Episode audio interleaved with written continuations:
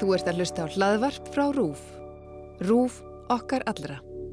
Þetta er Þú veist betur um kjaramál.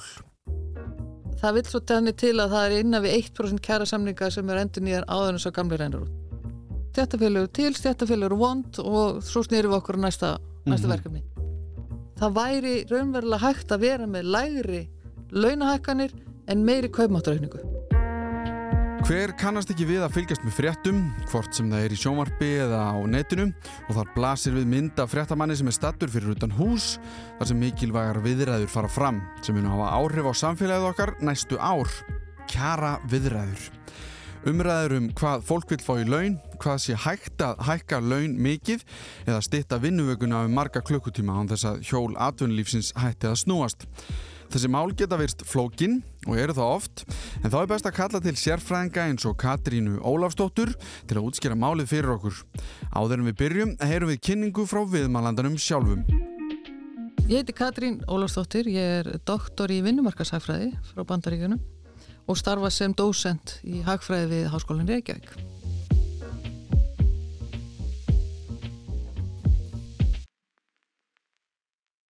Þetta er sem sagt svona uppbruna stjættafélag og kjarabartum og er reykja til 19. aldarinnar og innbyltingarinnar í Evrópu. Það er að segja áður hvað voru mest bara bændur og þó bændur er almennt sjálfstæðstarfandi og, og þannig að það var, ekkit, það var engin að vinna hjá neinum öðrum mm -hmm. en síðan koma versmiðunar og, og þá fer fólk að vinna hjá er með aðunurreikanda og síðan voru þarna, þetta voru langi vinnudagar, það var kannski unni þess vegna alla daga vikunar og aldrei frítagar kjörin voru náttúrulega mjög mismunandi það var oft mjög hættulegt að vinna í þessum versmiðum börn voru látið vinna í versmiðunum þannig að svona smán saman fer svona fólk að spá þetta, heyri, þetta er kannski ekki alveg svona raunhæft til lengdar mm -hmm. að fólk sé að vinna 12 tíma á dag, 7 dagar vikunar og, og börnir í 5 ára látið vinna og, og slikt. Þannig að það er svona rótin af, af svona stjættabaróttu og, og kjærasamningum og stjættafélögum. Mm -hmm.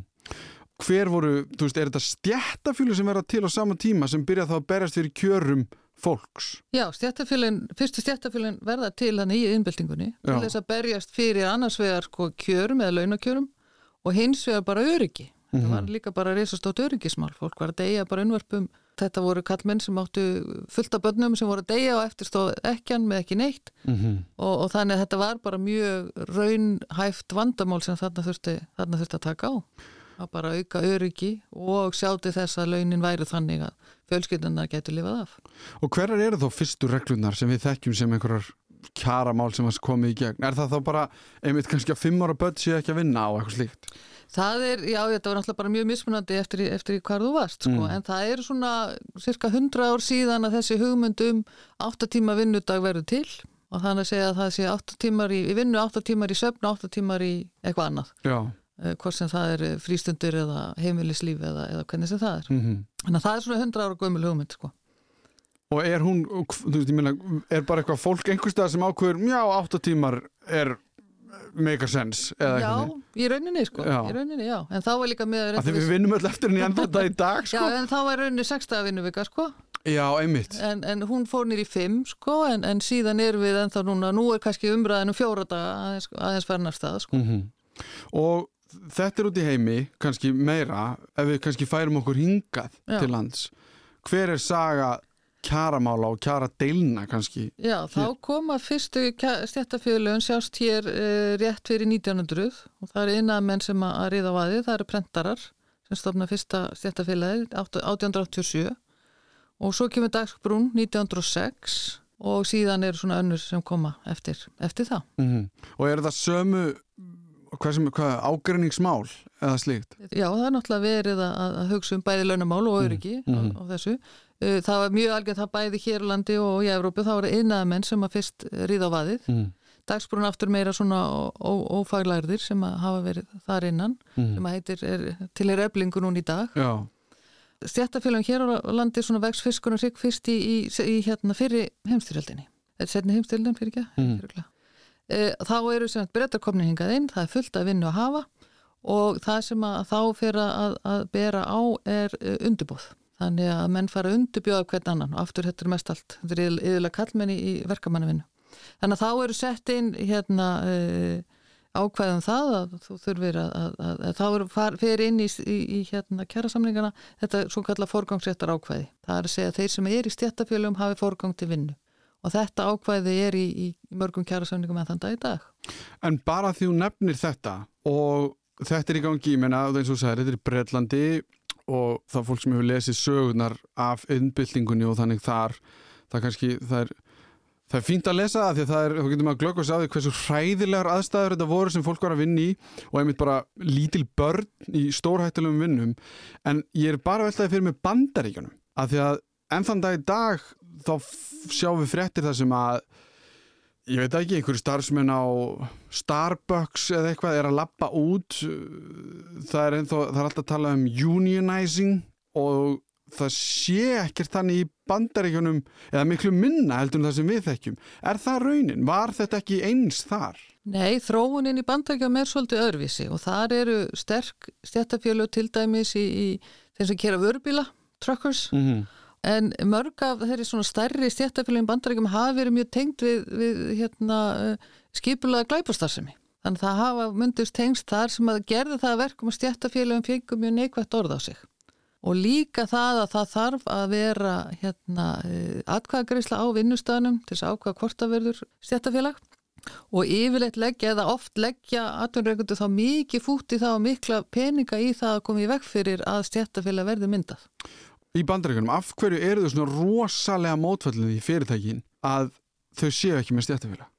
Að þetta er ennþann, þú veist, við erum að tala um söguna en við erum ennþann, í, ennþann dag í dag í sömu spórum. Við erum eiginlega að sjá mjög áhugaverða þróun í dag í bandaríkjum sérstaklega. Við höfum hort á það síðustu áratugi, hefur aðelda stjættafélagum minkað, víðast hver í heiminum, nema Íslandi, en sérstaklega í bandaríkjánum.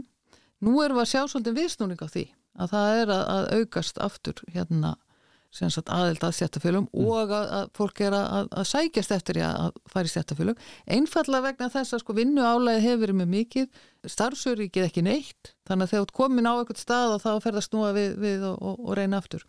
Eh, hvers vegna þetta hefur verið svona í bandaríkjánum, þetta finnst sem er, ég hef aldrei fengið almennilega gott svar við þessu, Nei. eins og ég nefndi hérna á þá, þá lærði ég vinnumarkasagfræði í bandaríkjánum Og það var eiginlega bara svona eitt fyrirlestur um það, jú, stjættafélögur til, stjættafélögur vond og svo snýrum við okkur á næsta, næsta Mhm. verkefni. Það var afskarpa lítil umræð um þetta en bara þessi, þessi þetta viðþorfa að þetta sé eitthvað neikvægt við stjættafélögin sem ég hef aldrei, aldrei geta skilið og, og þegar ég var þarna í námi, sem sagt í, í, doktorsnámi að þá stopnuðu við stjættafélag hagfræðinema og það þótti bara, bara mjög slæmt mál og það var líka hérna eða það var að vera að stopna sem stjættafélag doktorsnema við háskólan og það þótti mjög neikvægt og við stopnum okkar einn ein svona undirkabla í, í okkar hérna í minni deild.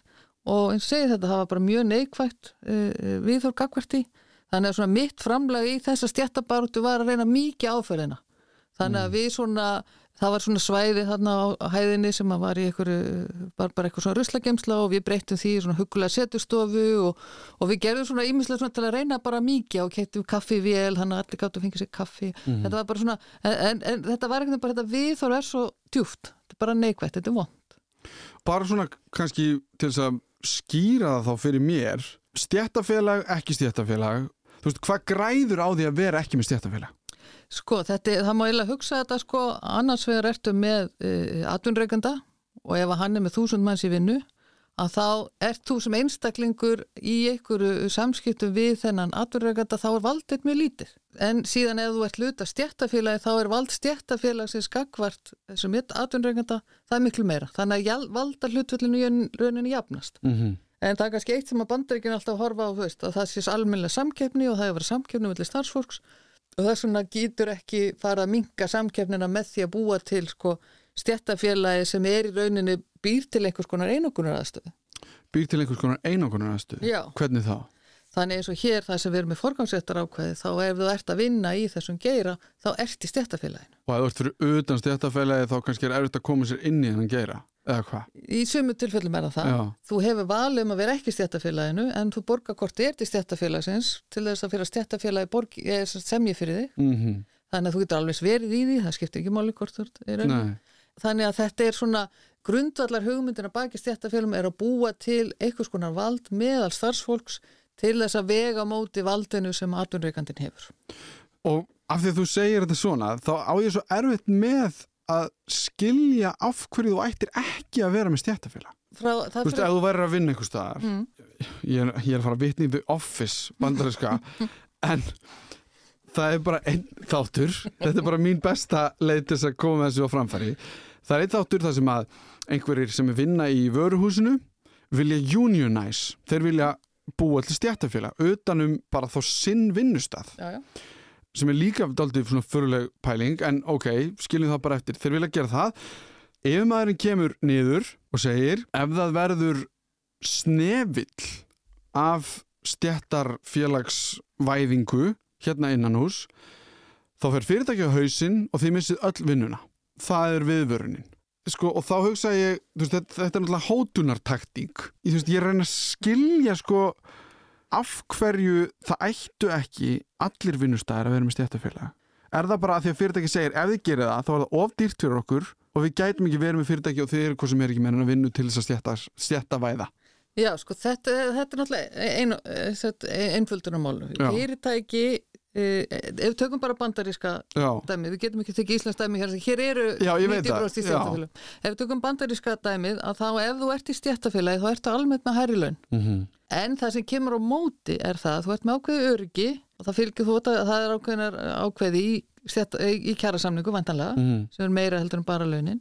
Og það þýðir það að það er minni starfsmannavelta og, ímislegt annað sem fylgir með. Þannig að þetta er ekki bara kostnaði fyrir fyrirtæki en þetta fyrirtæki er að horfa á þegar þú komið stjættafélag þá lostar ekkert við það og getur ekki að haga þær eins og þú vilt. Ég held, ég held að sé meira eitthvað svona svoleiðis Þetta er bara það. Já, þetta er ekki þið græðið á því að vera ekki stjættafélagi eða eitthvað. Þetta er bara fyrir, hagur fyrirtæki sem er sá að stjættafélagið það Er ha- ekki? Það er, algjör, það er haga fyrirtæki sem er ekki með stjættafélag en það hefur meira frjálsæð en það er ekki endilega dýrar að vera með stjættafélag en þó þú þurfa að borga kannski hærri laun að þá ertu með minni starfsmannaveltu og þú ert með, með aðra hluti. Já, og það sem eitt sem að tala um að stjættafélag veitið er, er það að veitið er svona rödd inn á vinnustæðnum, það er að segja ef er ykkur óanæja að þá ef þú ekki stjættafélag þá kannski þetta eina val er bara að labba út. Mm en ef þú ert með stjættafélag þá getur stjættafélag komið á framfæri því að ok, hér eru hluti sem okkur finnst geta farið betur öðruvísi. Mhm. og þannig að þú ert þá með, með röddin og aftur minkar þá starfsmannaveltan þetta er náttúrulega bara bandarækin eru bara mjög spes greinlega, af því er þetta ekki sko í sögulegu samingi er ekki flest lönd, ég veit þú veist ekki með öll lönd, en ég meina að því svo sagðir aðan, við þekkjum eða lengan annan raunveruleika hér á Íslandi annan en að vera í stjættafélögum er það ekki tilfellið á svona flestum stöðum? Eins og ef við berum okkur saman við Norðurlöndin eða kannski meira hlutan af Evrópu, ég veit það ekki. Já, sko, það er hverki hærri eh, hlutdeild í stjættafélag menn á Íslandi. Mm -hmm. hún er þetta yfir 90% og, en víðast annars þar er hún heldur lægri og uh, Norðurlöndunum líka, hún er kannski 70-80 hún fer nýri 50% í Noregi til dæmis og veitum við af hverju til með það er? Það er, geta verið mismunandi aðstöðun, oft eru svona þessar uh, þessar hérna stjættir sem eru vaksandi, það eru ekki stjættafélag, þannig að það var mjög lengi sem til dæmis fólk í tölvugeiranum, Mhm. var ekki stjættafélagi, það, það breytir síðan yfir tíma.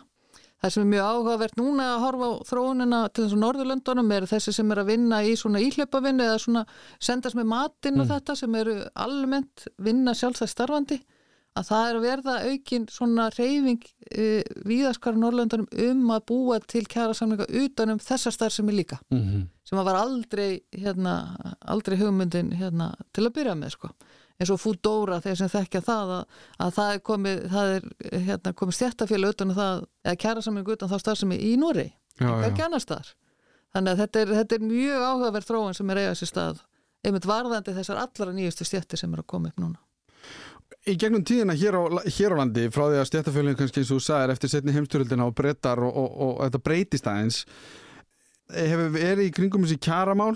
Hefur það verið aldrei svona, hvað maður segja, hitamál? Eða þú veist, mikið eldfimt? Það er upp og ofan. Já, stundum hefur þetta gengið ágætlega, stundum hafa verið mikil átöku vinnumarkaði. Það sem að mér fannst áhugavert þegar ég ég var einu sinni í, í, í samlingarnefnd ríkisins fyrir, fyrir sent á síðustu öld Mm. Að það skiptir svo miklu máli hverjir sitta við samlingaborðið. Að það er sko hagfræðingar reyna að búa til kenningar um hvernig verða kæra samlinga til og hver er niðurstaða þeirra og, og ég skrifa heila doktorsýrgerum það hverjir hafa völdin við kæra samlingsborðið mm.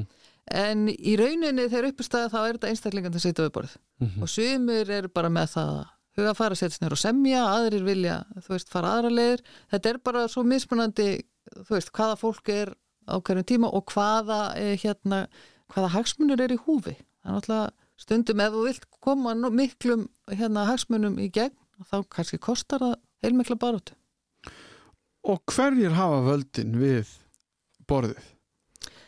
Það er, það er, já, ég, ætla að forðast það umröðum var mjög tæknileg, mjög hérna, já, Ok, og, og mikið, mikið af forsöndum þannig að það er svona erfitt að, að hérna, en ef við förum þá bara í þessi, þú veist, þetta eru kjaramál þau snúast um réttindi fólksinn sem er í stjættafjölugunum og síðan náttúrulega launamál. Já. Þarna eru einstaklingar ég hef aldrei verið í kjara viðræðum ég veit ekki hvernig þau fara, fara fram. Þú veist, hvernig fara þessar umræður eða samræður fram þar sem er verið að semja um náttúrulega laun? Kannski er minna núna réttindi ég veit ekki, það var örugglega meira þegar að fólk var að vinna þú veist, í, við báar aðstæður í mjög langan tíma og niður í einhver, einhver börn. Þannig að þeir núansar eru kannski færri núna, en við erum talum fjára daga vinnuviku og allt þetta, stytting vinnuvikunar af því að maður heyrir í fréttum þegar svona mál fara svona, ok, það er að fara að koma kjara samningum og allt þetta að þá fara aðeinar vinnumarkaðar eins að setja eitthvað fram og síðan byrja svona einhver orðræða í fjölmiðlum sem er pínu svona, þú veist, ef maður fylgist með ennska boltanum með einhverjum íþórtum, þetta eru þjálfararnir byrja svona einhverjum mind games hugar leikfimi einhver til þess að stjórna umræðinni en síðan á endanum þá er þetta bara eitthvað fólk sem setju við eitthvað borð. Þú hefur setið svona fundi. Ég, já, ég hef setið fundina. ég meina, segjum sem, sem svo að ég vinni hjá þér og sé á fundi og segi, mér langar í þetta í laun. Þú segir, það er ekki hægt. Og þá vilja allir fara á, þessi, já, er það ekki? Þú veist, ég meina, hvernig hvernig fer fólk áfram og hvernig er kjaramálum hátta þetta er fullt af fólki sem er undir Já, og lífsviðu væri fullt af fólki. Algjörlega. Sko, bara, að, svo við reynum aðeins að, aðeins að brjóta þetta niður. Þá ertu með kjarasamning og ef þú horfir á heilan kjarasamning þá er hann kannski 150 síður. mm Og ég bara nefna það hér að það er að opna vef sem heitir kjarasamningar.is þar sem getur séð alla kjarasamninga sem er í, í gildi. En þeir eru 150 síður. Það er ekki í hverjum kjarasamningu verið að semja um 150 síður. Nei, Það er ekki. Í hverjum kjærasamningi er kannski s- samið um, það er kannski tvæð þrjá síður sem taka til einmitt hvað eru launahækkanir, hvenær koma þær inn og eitthvað kannski smátt er í annað. Þannig að það er í raunin það sem samið er um hverju sinni og það fer síðan inn í þennan stóra kjærasamning. mm Samkvæmt lögum á að skila viðræða áallun held ég maður rétt átta vikum áður en kjærasamningur rennur út sem sagt báðir aðilar eh, eða sem sagt, að skila viðræða áallun hvernig ætlum við að standa viðræðan. -hmm. Nú, eh, þetta var sett inn til þess að- hvetja til þess að fólk byrja að semja áður en kjærasamningurinn út en það vill svo tenni til að það er innan við 1% kjærasamninga sem er endur nýjar áður en svo gamli rennur út Mm. og þetta er sér íslenskt fyrirbæri, þetta þekkist ekki annars þar. Flestir aðri eru búin að semja nýjan samning áður en núverandi samningur rennur út. Þannig að við erum daldið spes í þessu og einhvern veginn verðist ekki umræði að fara stað fyrir, fyrir samningur rennur út og núna til dæmis eru samningar runnir út og það er svona, jú það er aðeins byrja að tala saman eftir því sem best veit. Það er mjög fyrirlegt Það er mjög sérst og það gengur illa að breyta þessu. En það sem þá gerist er það að, að það er skipu samningarnemnd, sem sagt báðir aðilar, atunreikandi og stjættafélag skipa sína samningarnemnd sem að síðan hittast og ræða málin. Og nú síðan er allur gangur á því hvernig það gengur. Mhm. Stundum klára menn bara það, klára fólk þetta bara við samningaborðið og skrifandi samning og búið mál. Og stundum gengur bara mjög illa og þá er vísa til ríkisáttasemjara og þá tekur hann í rauninu við verkstjórninni. Og hans, Já, hann er ekki frá byrjun. Hann er ekki frá að byrja, nei. Það er bara reynd að segja, fara inn í herbyggju og leysi þetta sjálf. Fyrst. já, Já. þeir bara, það bara, veist leysum þetta bara sjálf, eða gengur illa að þá er, er, er vísa til sáttasemjara. Hérna er smá rugglandi að því að vísa er í, ég varst að tala um fjölmiðla að það er stundin sem fólk uh, fundar hjá sáttasemjara aðeins að vera búin að vísa til sáttasemjara þannig að þó að, að sjónvarsmaður standið fyrir utan höfðaborgina, hann í borgatúninu Já, og er að fylgjast með, þá er ekki þar með sagt að það sé búið vísa til sáttasemjara þó að sé fundað í húsnaði sáttasemjara. ok Það er bara stundu þægilegt að funda á svona uh, hérna. Já, einmitt Þannig að maður stundum aðeins að hafa, hafa það í huguleika. En allavega þegar búið er að vísa til sáttasemjara að þá tekur sáttasemjaran við hérna, verkstjórninni mm og hans hlutverk er að sjá til þess að, að uh, allavega á tökja vegna fresti helst miklu ofta náttúrulega en ef að, að hérna, uh, stoppa viðræðir að þá á hann að kalla til fundar innan tveggja vegna mm og sjá til þess að, að, fólk haldi áfram. Nú þegar búið er að vísa deilu til sáttasemira að þá opnast það að það er hægt að búða verkvall eða verkbann. Það er ekki hægt að gera það fyrir búið að vísa til sáttasemira -hmm. Og þá náttúrulega erum við komin í, í, í þannleik, það er að segja búða verkvall og allt það, það er ekki gefið og búið, búið verkvall, það er bara ákverðin, sérstök ákverðin sem Það er tekin. má eftir þetta það má eftir þetta og það fer þá í gegnum ákveðin prósess og þetta að, að vera með atkvæðagreislu innan stjættafélagsins og, og senda almennra, meðal almennra hérna, félag í stjættafélaginu og uh, já, þannig að þá getur, getur máli farið í það ferli. -hmm. En ef við segjum bara eins og með launin þú veist að, því að við heyrum líka þessu umræðu og það er nú eitthvað komið út núna frá einhverju stjættafélagi, ég man ekki alveg hvað sem var með lámaslaun og þetta. Og þá byrjar umræðan ef þið fáið þessi laun þá fyrir við á hausinn, eða þú veist þetta, þá fyrir þetta í eitthvað svona miklu stærra samhengi. Að því ef þú ætlar alltaf inn að borga ég veit það ekki, einhvern þúsundum hærri laun, sá peningu þarf að koma einhver stað frá. Og þetta svona, þetta verður pínu svona eitthvað, þetta fyrir að elda skotti á sér þá, þetta verður, hvað segir maður þetta verður svona cascading effect eða þú veist, þetta, Já, já, höfrungar lög. þetta verður svona höfrungarleip nákvæmlega, ef, ef, og það er alltaf að tala um að, að, að, að aðlar vinnumarkaðin sem ég undan eða ofinberi starfsmenn sem ég undan að þá fylgi einhverju ákveðni í kjölfur á því þessi pattstaða hvernig, veist, hvernig leysi maður hana? Já, það er sko eins og þetta hefur verið gert hér á landi svona síðustu 20 ári eða svo eða já, 30 ár svona frá þjóðarsáttasamningunum 1990 þá hefur þetta gætna verið gert þannig að það er einhverjir sem að, svona ríða á vaðið. Yfirleita er það einhver hluta, stór hluta af ASI eh, kannski ASI allt kannski einhver félug innan ASI og þau semja við samtök atunlífsins og eru komin á lokastíð í því, núna síðan bara reyfum lífskjara samningana þegar þeir voru komin á lokastíð að þá er farið að banka upp að hjá ríkistjóninni og þá er beðið um ok, einhverjar skattarlækkanir eða eitthvað annað, einhver pakki frá ríkistjóninni. E, aftur þetta er svolítið sér Íslands fyrirbæri, e, yfirleitt eru kjarasamningar eiga sér stað án þess að ríki komið þar að, en þetta er svona ákveðið eitthvað sem að hefur myndast á, á þessum síðustu árum að, að þegar kjarasamningar, fyrstu kjarasamningarnir er á lokastíði, að þá er farið og beðið um eitthvað frá ríkistjóninni. Mm -hmm. Nú þeir sem kom á eftir í, í sínu kjaraviðræðum, þeir yfirleitt taka mið af því hver, hvað stendur í fyrsta samningnum. Þannig að flesti kjarasamningar sem kom á eftir lífskjarasamningum taka mið af lífskjarasamningnum. Uh, yfirleitt reynir ríkið að vera á eftir það sé ekki að leggja launastöfnuna þannig að þegar vera semja við ofinbæra aðila þá kemur það yfirleitt á eftir og núna til dæs renna þeir ekki, samningar ekki út fyrir fyrsta mars segir maður rétt Mm. þá hinn er á almenna markan séu margir runnur út nú þegar þannig að ríkir svona meðvita reynir að vera alltaf svolítið á eftir og tekur þá með af þeim samningum sem að, að þá liggja fyrir Eru alltaf aðilar frá samtökum aðdunlífsins, eru þeir alltaf að sitja fundi með mismandi stjættafélagum? það, það, það sem er verið að semja á almennu vinnumarka þá er það yfirleitt samtök atvinnlýsin sem semja fyrir hönd uh, enga fyrirtækja, já Hvernig geta þau gert það? Það eru mörg enga fyrirtæki, skilur þau? Já, sko það er þeir sem að við, ég bara pæli Já. ef ég væri samtök, hjá samtökum aðdunlífsins og ég þurft að sitja fund, til dæmis á móti ASI, sem er með fullt af fólki á baku sig og þau eru að reyna að semja um einhver laun og þá er kannski eitthvað viðmið komið frá fyrirtækjunum um, þú veist, að því hvernig veistu einhvern veginn, nei, þetta er galið eða já, nei, þetta er ok Ertu þá búin að reikna út hvað er, hver sásökamörkin eru?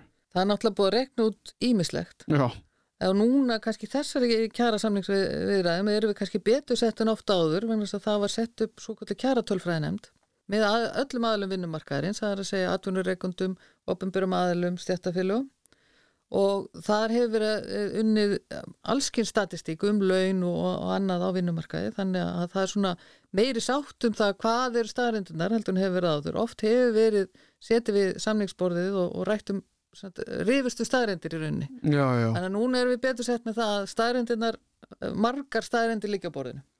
En Einmitt. það sem að sko félagsmenn SA gera, þess að fyrirtæki sem eru félagar í SA, þeir gefa SA í rauninni umboð til að segja fyrir sína hönd. SA er í raun stjættafélag líta Í einfaldri mynd. Í einfaldri mynd. Þeir hafa umboð til að segja fyrir, uh, fyrir hönd sinna, sinna fyrirtækja.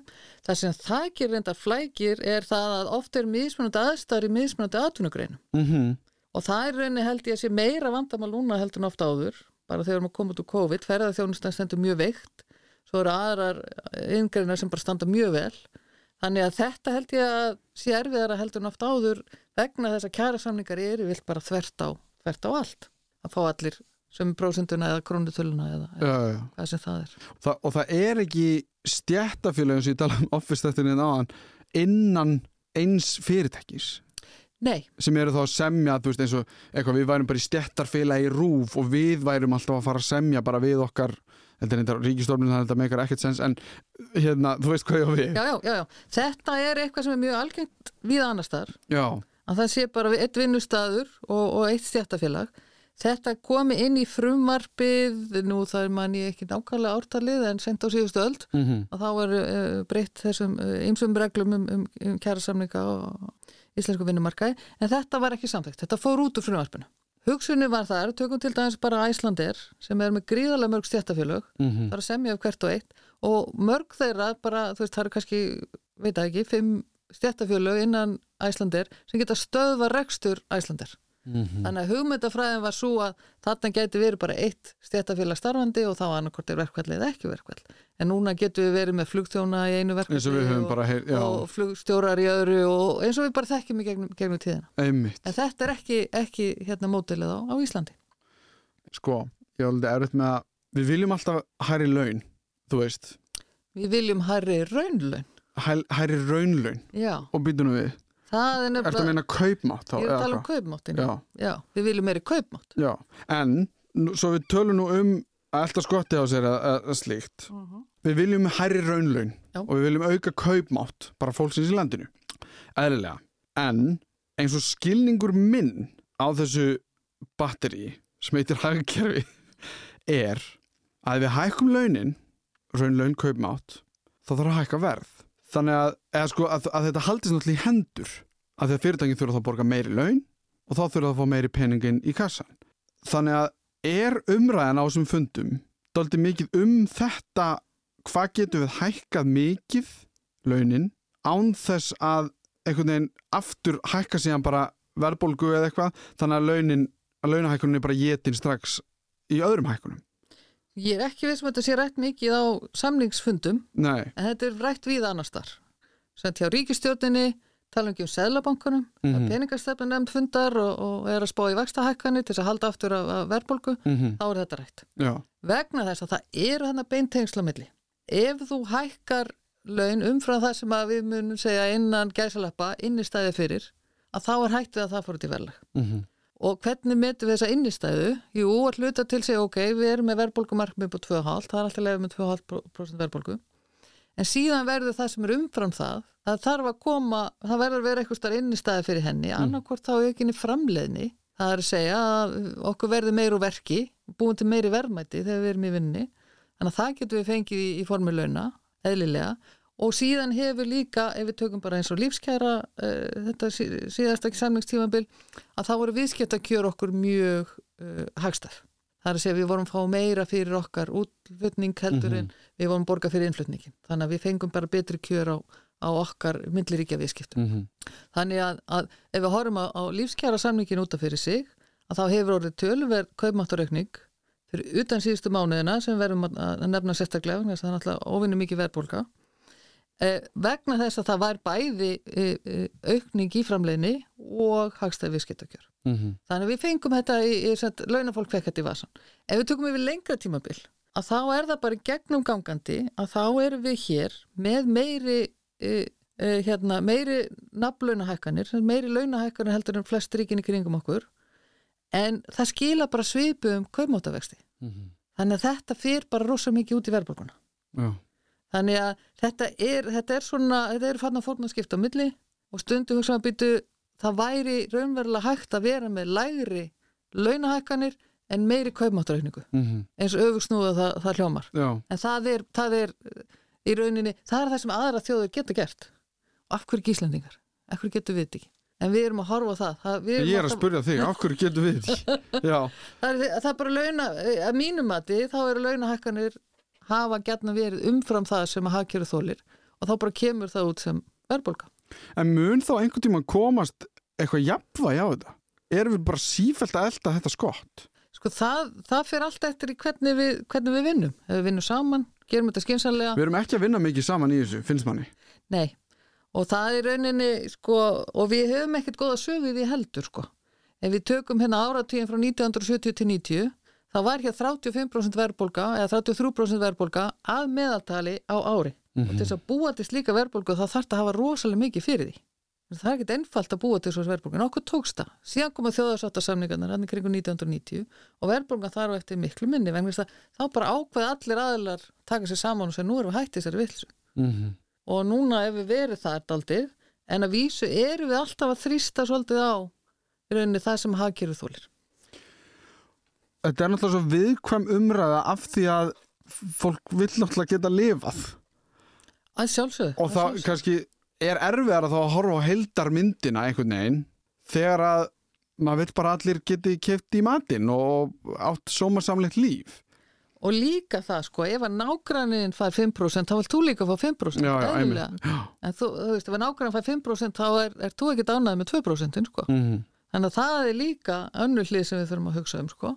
En eðlilega þá viljum við all gera sem mest fyrir peningana og við viljum geta eins og bara grunn hugmyndi að stjættafélagi er það að þú vinnir vinnudaginn og eigir í þig á mm -hmm. það er náttúrulega bara mjög aðlilegt Já, eitt árunum fyrir kannski í smá framtíðarpælingar.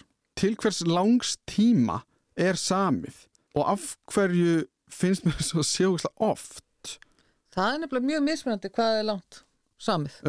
Lífskæri samningurum var ofinnilangur við söndum hann í april 2019 og það er reyni lengstu samningarnir sem við hefum gert, 34 ár. Mm -hmm. ef að það er mikil óvisa að þá hefur oft verið samið til styrtir tíma í einu og innan við eitt ár þess vegna, 6-8 mm. mánir kannski. Og þá er það af því að þú vilt ekki læsa þig inn í einhverju kerfi sem að gæti síðan bara komið í baki á þér. Og líka bara ef að engin veit hvað gerist. Núna er til dæmis tölvöð mikil óvisa hvað gerist í efnaðasmálum, hvert fyrir verðbólkan uh, ef við horfum núna og eitthvað gerir samning uh, til fjögur ára og gera á fyrir að verðbólgan fari kannski úr tíu nýri, eða þessi nýju prósent sem eru núna nýri kannski fjögur með ás, næsta ári og, og segjum við það að það sé fjögur prósent þar eftir sko. Mm -hmm. og síðan verður verðbólgan tíu prósent næstu fjögur árin, það er náttúrulega ekki, ekki samlíku sem að, að hérna, launafólk er, er ánægt með Nei. þannig að þannig gæti verið betra eða gæti verið uh, ástæða til þess að gera kannski styrtir samling kannski til árs eða eitthvað, eitthvað stygt og taka þá stöðuna mm -hmm. hvað er við? Er búið að leysa öll þessi vandamáli kringur stríði í Úkræn? Er stríði Úkrænu búið? Mm -hmm. Er búið að ná niður verðbólgunni almennt á, á, í, í löndanum í kringum okkur? Já. Það, já. Þannig að já, það er ofinni mikið lofisa núna. Og tölum þá aðeins bara um framtíðina. Eins og þú sagir, það er að koma kjara samningar núna í vor og er náttúrulega, eins og sagir, útrunir á öðru, öðrum stöðum líka. En hvað eru að fara að ræðum þar? Hvernig lítur þetta út núna á öllum þessum óvissu tímum, bæði á heimsvísu og núna og hjá okkur bara sem landi? Hvað eru við að fara að horfa upp á? Er, að fara bara, er þetta langir og harðir fundir og, og hvernig býstu við að þetta muni einhvern veginn spilast? Þetta er nefnilega mjög erfið spurning mm -hmm. og það ég held að sé ekkert, ekkert gott svarfiðin. Ég held að, sko það er mögulegt að það verði samið bara fljótt og vel en þá vantanlega til skemmri tíma mm -hmm eða þá að þetta lengist eitthvað fram á vorið og gangi illa hvernig þetta mun spilast síðan áfram þetta er það sem er kannski núna sem við hefum ekki séð áður er ASI er ofinu veikt í heldina og það er rauninni ASI sem að hefur uh, tekið þetta skref þegar farið er að banka upp hjá ríkastjóðinni sko. þannig að það er spurningin hver gerir það í, í þetta sinna að verðu það gert ef það er skamtíma samningur þá er ekkert vist að það sé ástæð til að fara og banka upp á ríkistjóninni mm -hmm.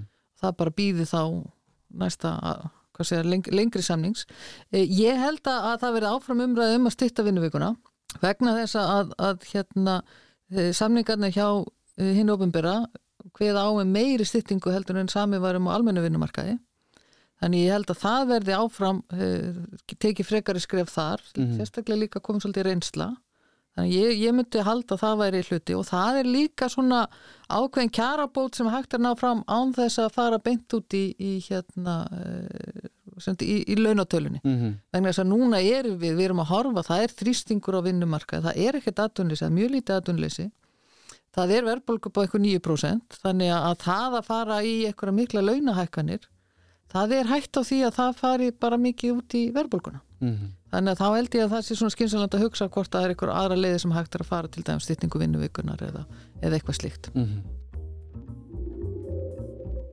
Það er ljóst að kjaramál snert okkur öll. Því eins og kom fram í samtali mínu við Katrinu erum við flest í stjættafélagi sem semur við samtök atunlífsins um kaup okkur og kjör, standa vörðum hluti sem hefur tekið langan tíma að berjast fyrir að fá í gegn. Við þurfum kannski ekki að skilja allar 150 blaðsíðunar sem samningurinn er ritaður á, en það er mikilvægt að skilja hvaða hlutverki þær gegna. Allt er þetta samkvæmisleikur sem snýst um jafnvægi, eitthvað sem hefur kannski ekki verið mikið af hér á landi, en með nýjum undistöðum í samningsviðræðum eins og kjara tölfræði nefnd, sem sér um utanhöldum staðrendir, ná við vonandi að finna taktin og læra hvernig er best að gera hlutina. Kannski er fínt að byrja á því að setjast við samningsborðið áður en samningar renna út. Það er fín hugmynd. En ég vil þakka Katrinu Ólafsdóttur fyrir að koma til okkar og fræða okkur meira um kjaramál. Bendi á póstin minn allimarat.ruf.is ef það er einhverja spurningar eða ábyrningar. Ég heiti Alli Már og þakka fyrir mig. Þetta var Þú veist betur um kjaramál. Heyrumst í næsta þætti.